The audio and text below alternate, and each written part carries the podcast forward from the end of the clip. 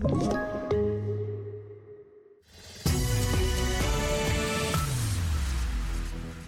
TV4-nyheterna börjar med att alla analyserade coronatester från anställda vid bygget av Northvolt-fabriken i Skellefteå visar på den brittiska virusvarianten.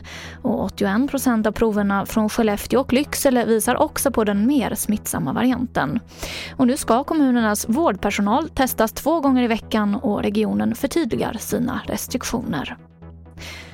51 nya dödsfall i covid-19 har rapporterats in idag och totalt har 12 649 personer avlidit av sjukdomen i Sverige. Detta enligt Folkhälsomyndighetens senaste siffror. Och så kan jag berätta att regionernas vaccinsamordnare utsätts för hot och hat. Det här berättar flera av dem för SR. Igår rapporterades det om att Folkhälsomyndighetens personal hotas och även flera forskare vittnar om hot och hat. Ja, att jag ska hängas i närmsta lyktstolpe ungefär. Det är, det är, allt från, och det är, det, värsta, det är de värsta exemplen, eh, till eh, att jag är dum i huvudet. Det sa Björn Olsen som är professor i infektionssjukdomar.